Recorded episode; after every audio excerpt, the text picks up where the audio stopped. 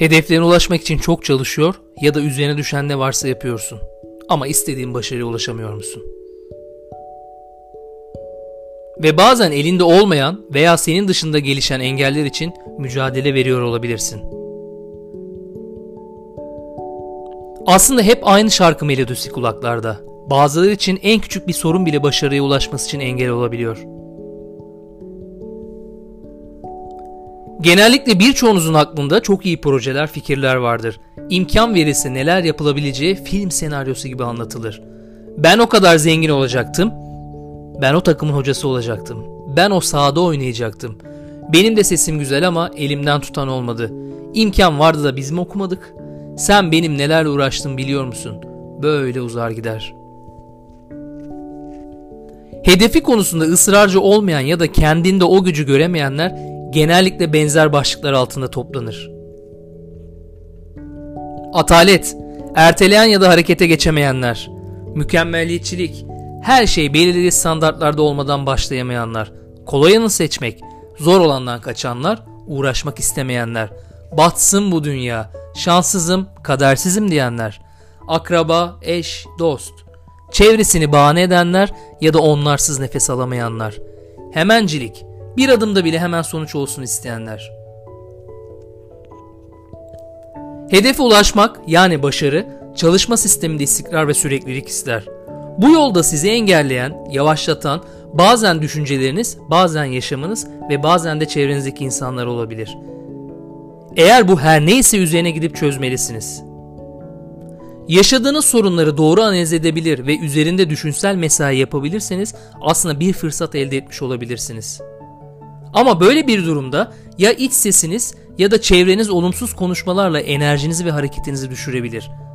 Aslında yapmanız gereken o kadar basit ki biraz sesi kısmak. Çocukluğunuzu hatırlamanızı istesem biraz o günlere gidebilir misiniz?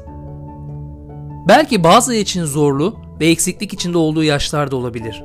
İmkanlar, aile, ekonomi vesaire. Ama yine de şuna inanıyorum ki herkesin bir hayali vardır ve o hayali düşünürken bile onun için çalışmaya başlar. Kimisi bu hayallerin peşinden koşar, kimisi koşmaz. Kimisi koşmak istese de koşamaz. Ama koşmak istemeyenler aslında üzerinde durmak istediğim şey.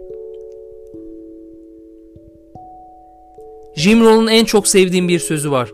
En çok vakit geçirdiğim 5 kişinin ortalamasısın. Hemen düşünebilirsin acaba benim için bu 5 kişi kim diye.